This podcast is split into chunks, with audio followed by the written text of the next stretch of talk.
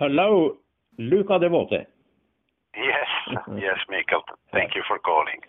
Yes, I'm going to invite to interview you for um, the Norwegian magazine uh, Seilmagasinet because you have now stepped forward to be an official candidate for vice presidency of World Sailing.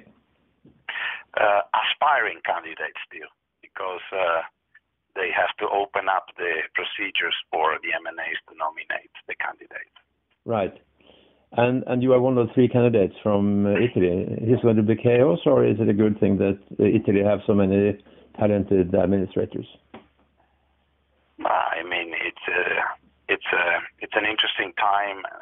There is a lot of change uh, and and uh, and difficulties, and it is good that successful people their services to the organization, and the MNAs will decide uh, how to compose the board so that it is best suited to do, to to lead the sport forward. So I think it's good to have uh, to have uh, various uh, various uh, candidates and different experiences mm. and people willing to offer their time because it's a hard job uh, to to be a volunteer and and and help sailing. Yes. Um, Luca, a little bit about yourself. You you are 57 years old.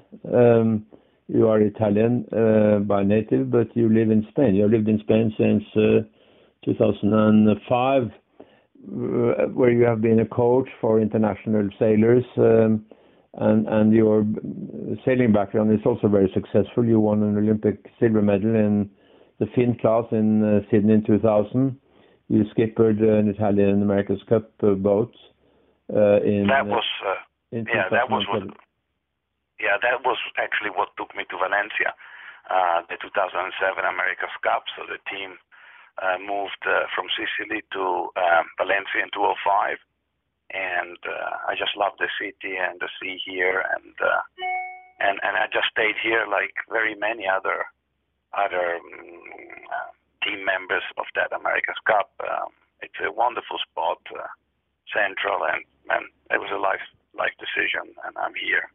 So I'm a Spaniard by adoption, basically. yeah, but you still own uh, a famous uh, boat production company in Poland. Um, yes, uh, I, I, have, I have. A, yes, I am the president of Devoti Sailing. My partner is the CEO, Roman Tepli from Czech Republic, and uh, we have uh, been building boats there since 2003. The company previously was established in England in Burnham Crouch. Hmm. Um, you are especially famous today for building good fin dinghies.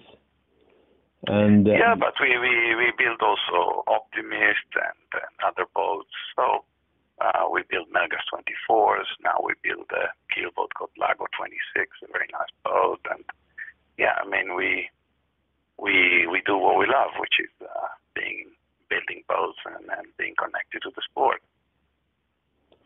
And and you were also um, a contender for the uh, single-handed um, dinghy for for the next Olympics uh, in the competition yes. that was uh, organized yeah. by World Sailing to perhaps replace the laser class?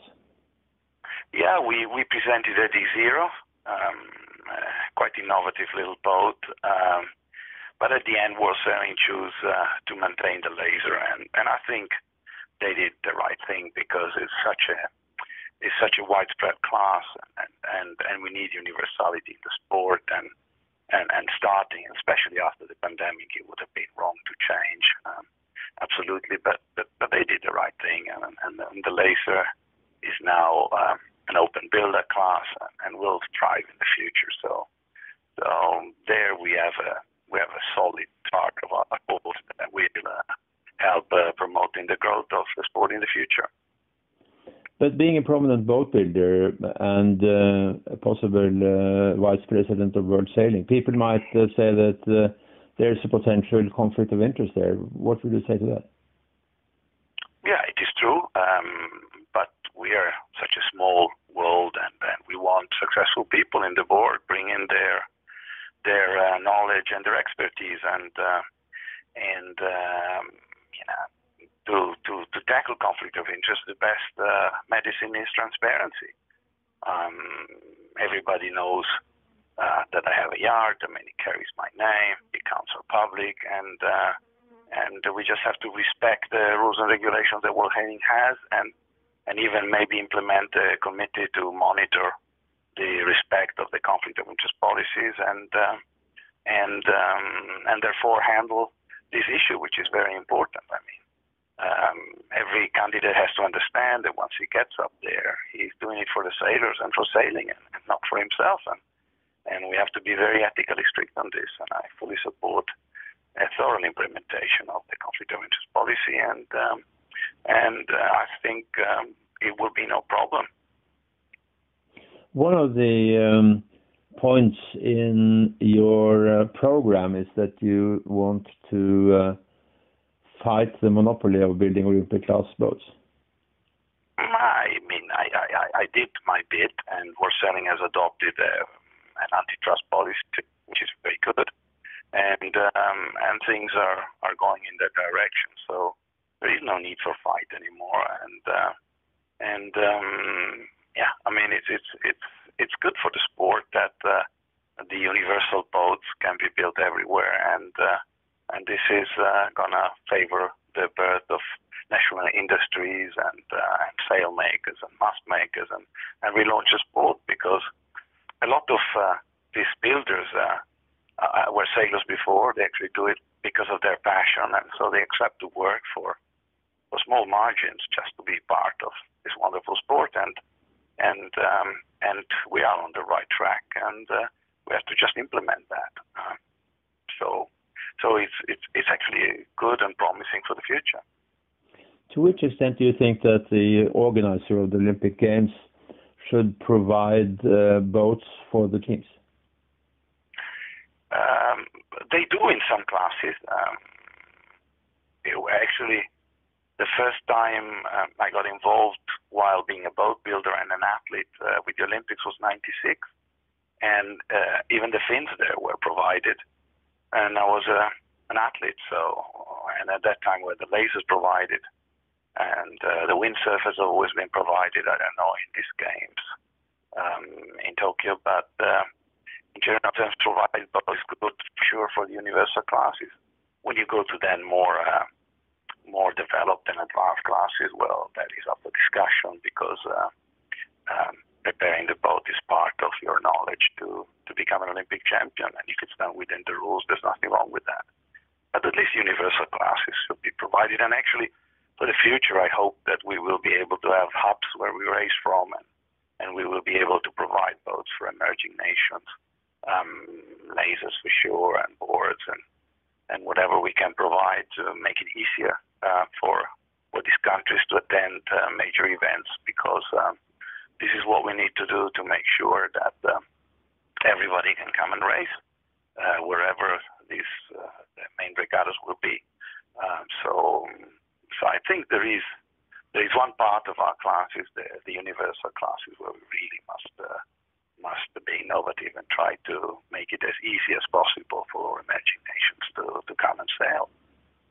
Mm-hmm. As a sailor, you, you have experience from uh, every type of sailing, from uh, lasers to um, international America's Cup yachts. Uh, do you think that um, that uh, all um, boats in the Olympics should be extremely athletic, uh, or is there room for keel boats that uh, that attracts all the values? Ah, for sure, we should try to be um, attracting as many different kind of sailors as we can.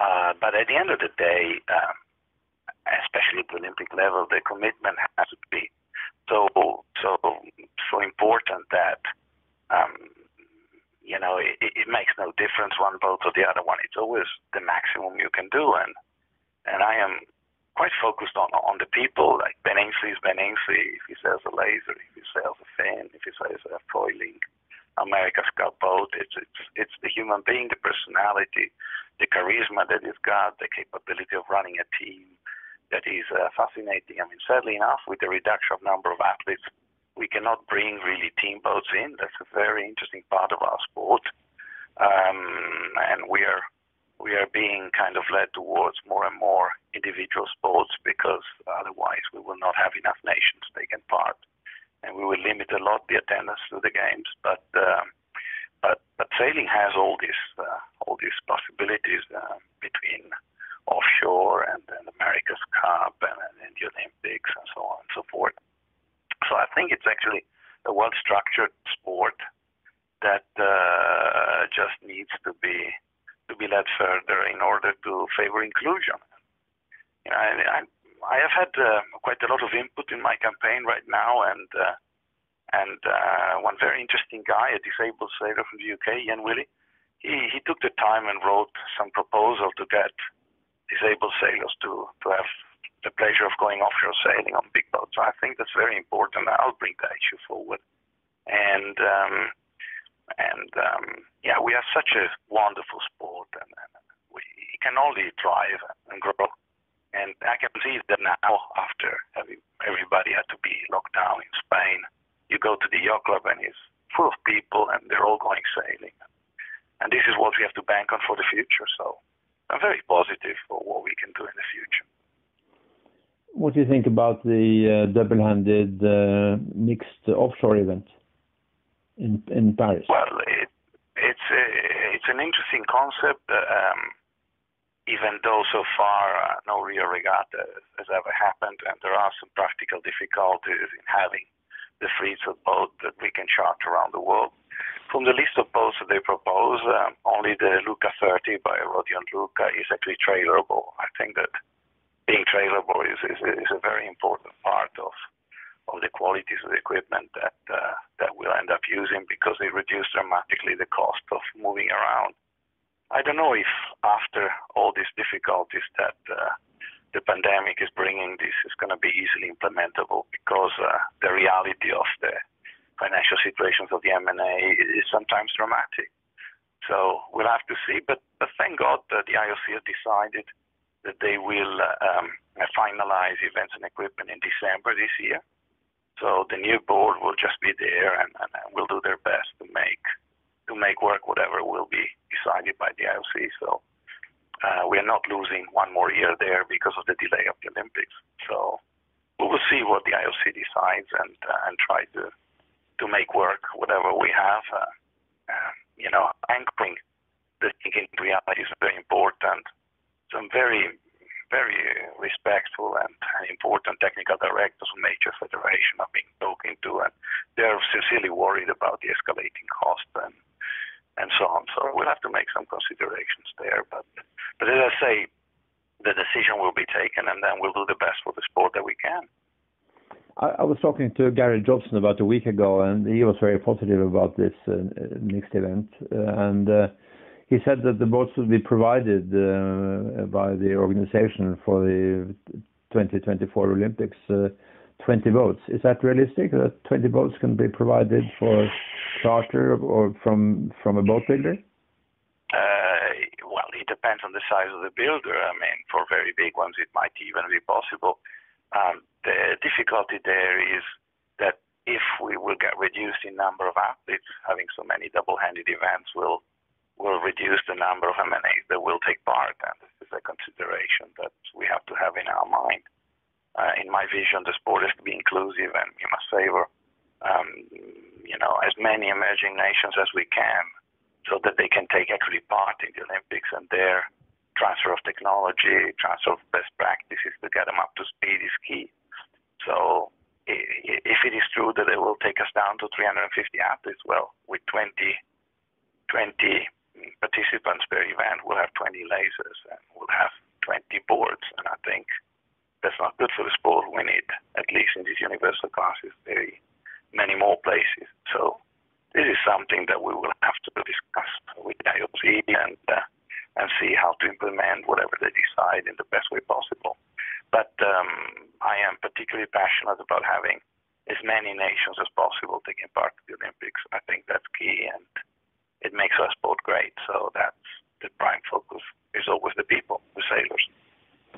There's also a governance reform on the paper. Um, uh, will you favor the new um, uh, the new uh, council, which is divided into two, one for the Olympics program and one for the others?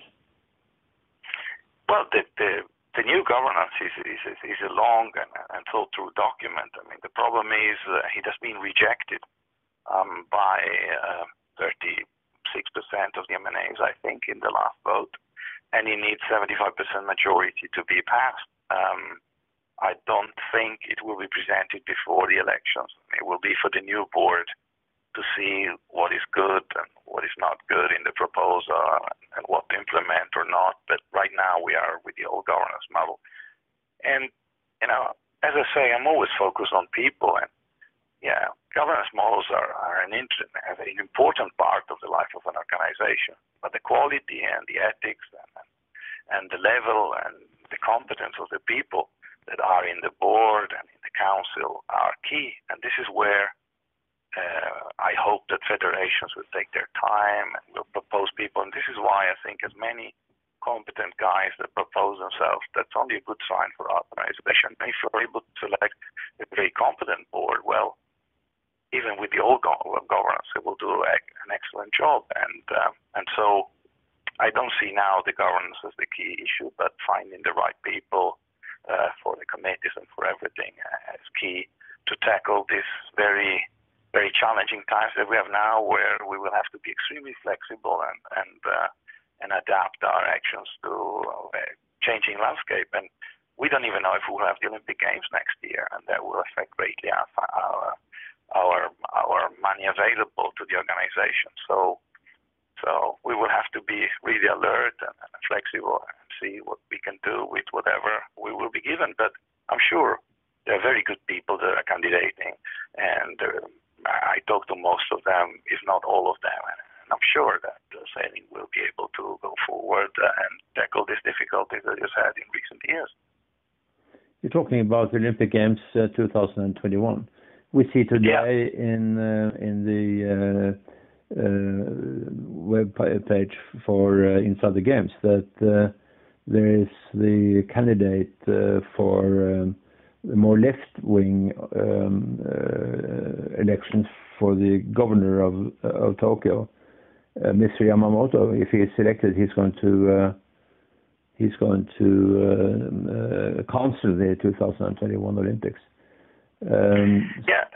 So yeah, it is. It, you have some thoughts about that? A, yeah, it is. It is. A, it is a possibility that some radical thinking comes about. Um, this pandemic has tested all of us, and, and I see that with the athletes now going back at sea, that they get injured easily, and and, and uh, we all have to take a deep breath and do things slowly and, and, and get back into a normal life. And, and, and it's not over in a lot of parts of the world. So even though I'm I'm hopeful and positive that uh, uh, the medical situation will be gone, uh, the economical consequences of what we have had might still be there. And so, yeah, we don't know, but I am hopeful that we will have the Olympics, and, and, and it would be such a great sign for the entire world and, and, and the world of sport, especially that, that we are there again, and, and the beauty and the magic of the Olympics, which is which is incredibly important for for all young athletes. But we have to remember, sailing is not only the Olympics. We have the America's Cup next year, and and thank God. Uh, the New Zealand government lets the team into their country, so we will have an America's Cup, and hopefully 2021 SailGP will restart, and then we have the Star Sailors League. So a lot of events that are going to mark this going back. But right now, the reality is uh, everybody's canceling all events. You know, Youth Worlds, Sailing Class canceling all season, and this is the situation we're now in. So, so it is it is a very difficult time for, for athletes to, to see what they do, to see how they train, to find resources to continue doing what they love, which is sailing, and with all the uncertainties uh, that that we have, but but it will it will go forward, and and, and then when we're out at sea, when we finally go out there after the lockdown, it was fantastic. I mean, and, and we appreciated what we do even more. So I'm very positive that I think we'll have Olympics, and if not, we can create a great event. Um, now, tell me, tell me a little more about your thoughts of such an event, an alternative Olympics. Yeah, I mean, if if if for any reason, medical reasons or political reasons, uh, the games will not be staged in 2021, the IOC has already said that there will be no further delay. But we've had people committing their lives and their passions for years to to do the games. So I think we should organize the World Sailing Games, and there are a lot of places all over the world that could be suitable for that with a minimalistic investment, if any. So so it would be great to to have that. I would invite even other classes uh, like like the Melges, the, the J70, the floating mods, the kitesmen and female, uh, to to to have a real a real um, great event that we can all be proud and that marks the renaissance of sailing after these uh, very incredible times that we have never experienced in our lives before. And and and I think that's a very feasible project and, and we might even be able to discuss with the IOC if we can award medals or not, or special medals or whatever. But but the sport has to go forward, and uh, and life goes forward in every sector, and sport is, is, is one and a very important part of that. So I am very passionate of having an alternative, even though I think we will have games, and we have to do everything possible to have the games in, in, in Japan. There's another matter which I know you are uh, engaged with, and that is to reinstate uh, sailing as a part of Paralympic Games. Yes, I think I think you know, say as I say, my vision is about people and inclusion, and uh, and the Paralympics. When you read the website of the IPC, it's all about inclusion. I cannot believe that, that an organization that is about inclusion excludes our fellow Paralympic sailors. And you know, we had a very direct contact here in Valencia where I coach my, my athletes from all over the world uh, because the Spanish Paralympic team was there.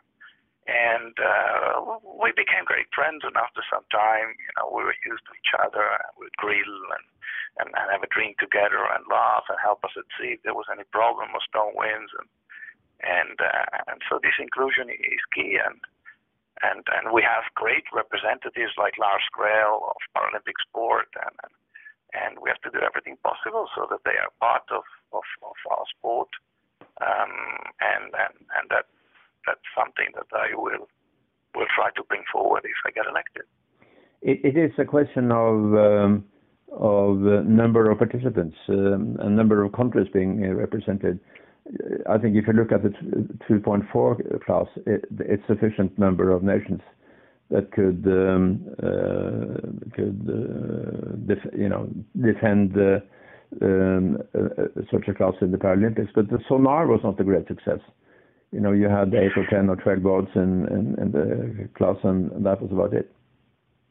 Yeah, I mean, it's it's uh, you know it is. Uh, uh, all these sports they use equipment and it's expensive. You know, we have to remember we have had a crisis since 2007 are difficult to bring forward, and this is why we have to try to get some stability, try to achieve inexpensive equipment, and promote the values of our sport. And, and through our network of yacht clubs, of, of MNAs, of, uh, of classes, we have to make sure that uh, the inclusion is, is a very important part of what we do.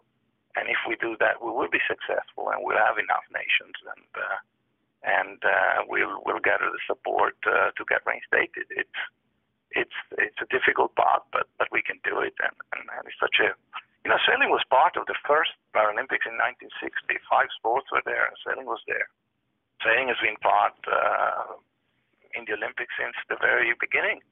Um, so so we we are part of the history of this event, and and we have to stay there, and uh, and that's what the board has to be engaged with and, um, and, and work towards, you know, inclusion and then more countries and developing programs to make sure that we have more nations taking part and enjoying our sport. Because it's not only about the sport, it's the message it gives, it's the culture it forms, it's the fact that it selects uh, decision makers because our sport is always about taking decisions, It's the fact that it's intellectually elitist but not but it's not about your senses. So anyone can get to know anyone uh, in trading as long as he loves the sport. And I think our values are so strong that we have to bank on them and, and, and go towards a bright future. Mm. Um, Luca, is there anything else, and another message you would like to bring across uh, to our readers um, before before the elections? No, but uh, but I always uh, have in mind my my Ukrainian coach Valentin Mankin. He was a fantastic man, and, and when I had my downs in my career or personally, he was always coming to me and saying, "The sun will shine back in your home." And I think this is what is going to happen to sailing also, and to any athlete that now is a little bit lost and doesn't know if the Olympics are going to happen or not, if his federation is going to support him or not, and and and and and even you know the guys from the TP52 they don't know if they will race or not and the big boats. I mean it will will go back to normal and it will be a great future because we have a wonderful sport and and, and, and the sea and, and and the nature is so fantastic it, that actually once you're a sailor you're a sailor all your life long and this is why we all are involved and I think you also and, and this is why we do it and. Uh, and uh, and I am positive that we will manage to overcome any difficulty and uh, and make our sport great. Uh, I'm sure about that. That's been all my life, and that's what I intend to do if ever I get elected. And even if I'm not elected, I'll continue doing that. I, I, will let these uh, wise words uh, uh, end our very interesting conversation. Thank you very much, uh, Luca, for taking your time to talk to me, and uh, good luck with your elections. Thank you very much, Mikkel, and uh, anything you can always call me. Thank you. Have a good day. Bye. You too. Bye bye.